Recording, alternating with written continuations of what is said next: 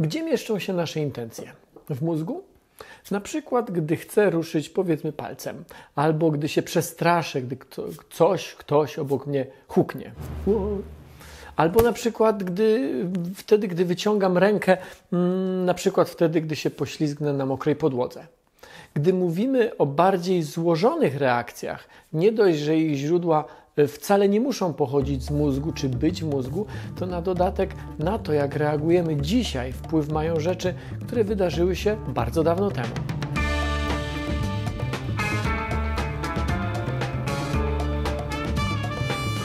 Konkretne zachowanie jest skutkiem różnych czynników. Ogromną rolę grają tutaj geny, hormony, impulsy powstające w mózgu, ale także doświadczenia życiowe, w tym oczywiście dzieciństwo i okres dorastania.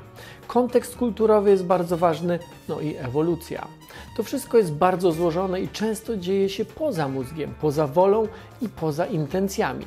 To między innymi dlatego przestępstwa popełniane w tak zwanym afekcie, a więc w emocjach, są inaczej albo mniej surowo karane niż te zaplanowane. O tych zaplanowanych mówimy, że są popełniane z zimną krwią.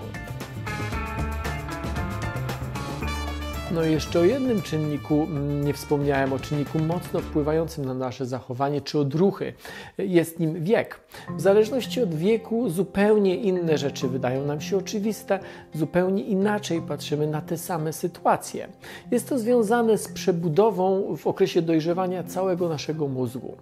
I gdy spojrzymy na ten cały układ wzajemnych zależności, a i tak mocno to tutaj uprościłem, jasne się staje, że mózg jako taki nic sam by nie zrobił. Tak samo jak sam z siebie nie zadziałałby na przykład procesor komputerowy, gdyby nie był podłączony do sieci czujników, do elementów peryferyjnych, no i do zasilania.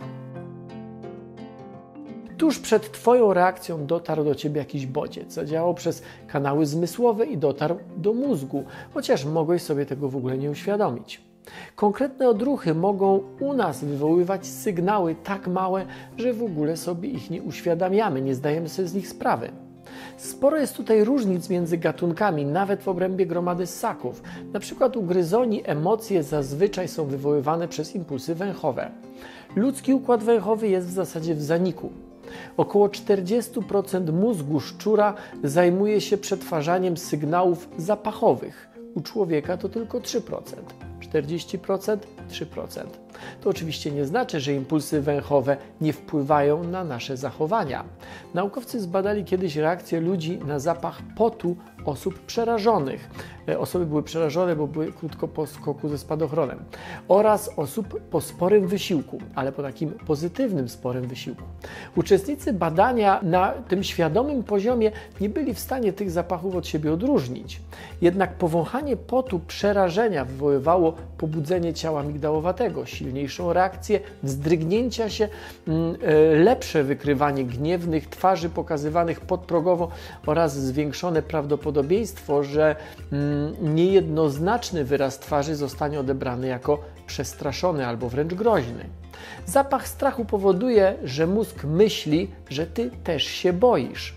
Ale mózg niczego sam nie robi. Zarządza, tylko zarządza albo aż zarządza sygnałami, które do niego docierają. Oczywiście oprócz informacji dotyczących świata zewnętrznego, nasze mózgi nieustannie odbierają informacje dotyczące wnętrza naszego ciała, czy wewnętrznego stanu ciała, jak głód, ból, czy na przykład swędzenie. Jeżeli czujemy się źle i coś nas boli, to nasza reakcja na bodźce będzie wyczulona. Ból wzmacnia już istniejącą skłonność do agresji, a więc osoby agresywne stają się jeszcze bardziej agresywne. Z kolei, kiedy jesteśmy głodni, rośnie nasza wrażliwość na zapach jedzenia. Sygnały pochodzące od zmysłów prowadzą rzeczywiście do mózgu, jednak mózg wysyła także impulsy. Na przykład niski poziom cukru we krwi może aktywować określone neurony podwzgórzu.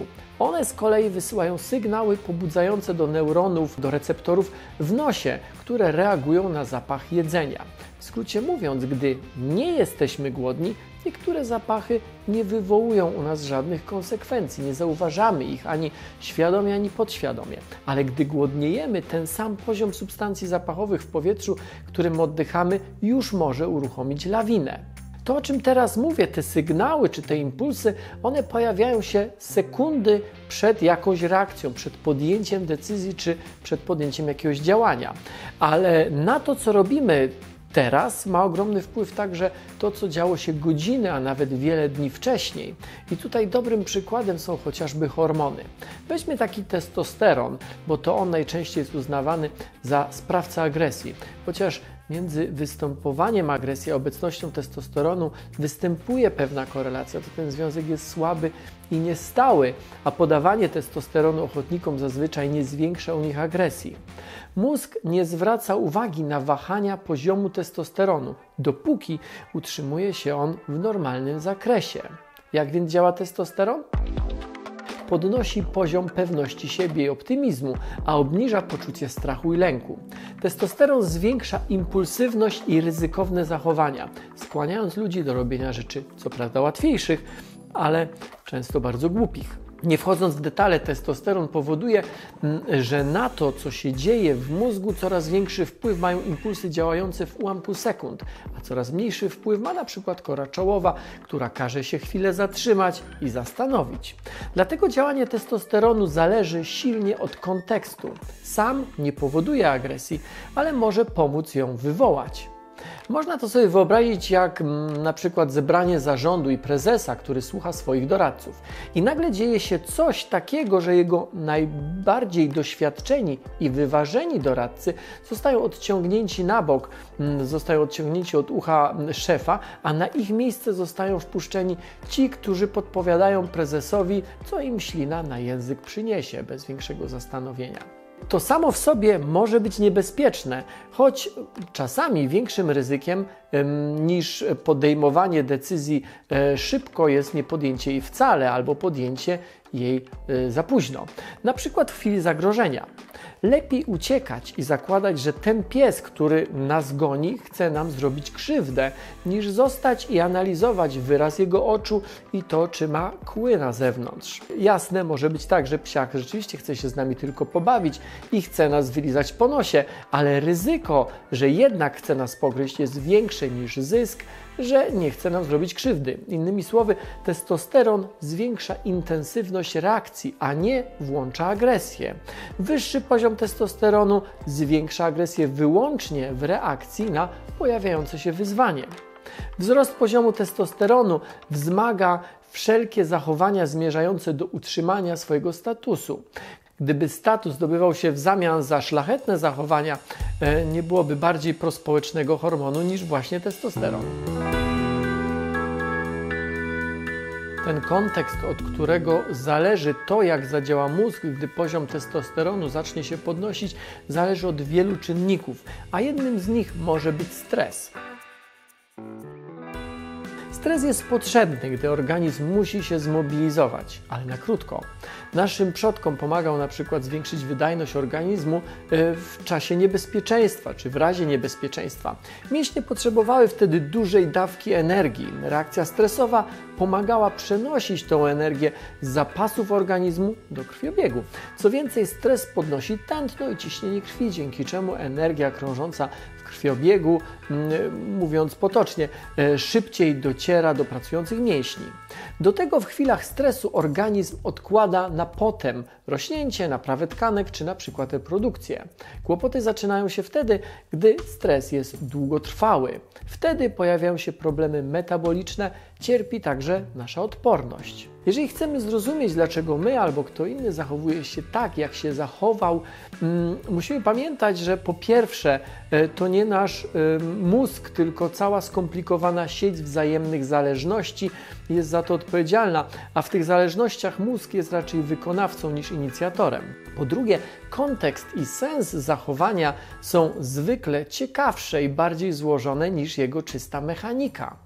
Żeby cokolwiek zrozumieć, trzeba uwzględnić zarówno neurony, hormony, rozwój na wczesnym etapie życia, jak i geny i nieskończenie wiele innych czynników. I co najlepsze, nie da się ich od siebie oddzielić. W biologii na każdym kroku mamy do czynienia nie z przyczynami, tylko raczej ze skłonnościami, predyspozycjami, interakcjami, zależnościami od kontekstu oraz wzmacnianiem albo osłabianiem już istniejących tendencji. Pomyślcie o tym następnym razem, gdy będziecie odsądzali kogoś od czci wiary, czy surowo oceniali jego zachowanie. Tak mnie naszło po przeczytaniu książki Zachowuj się e, Roberta Sapolskiego, profesora biologii i neurologii na Uniwersytecie Stanforda. Nauka to lubię nie tylko na Facebooku i YouTubie. Zapraszam też na stronę naukatolubie.pl.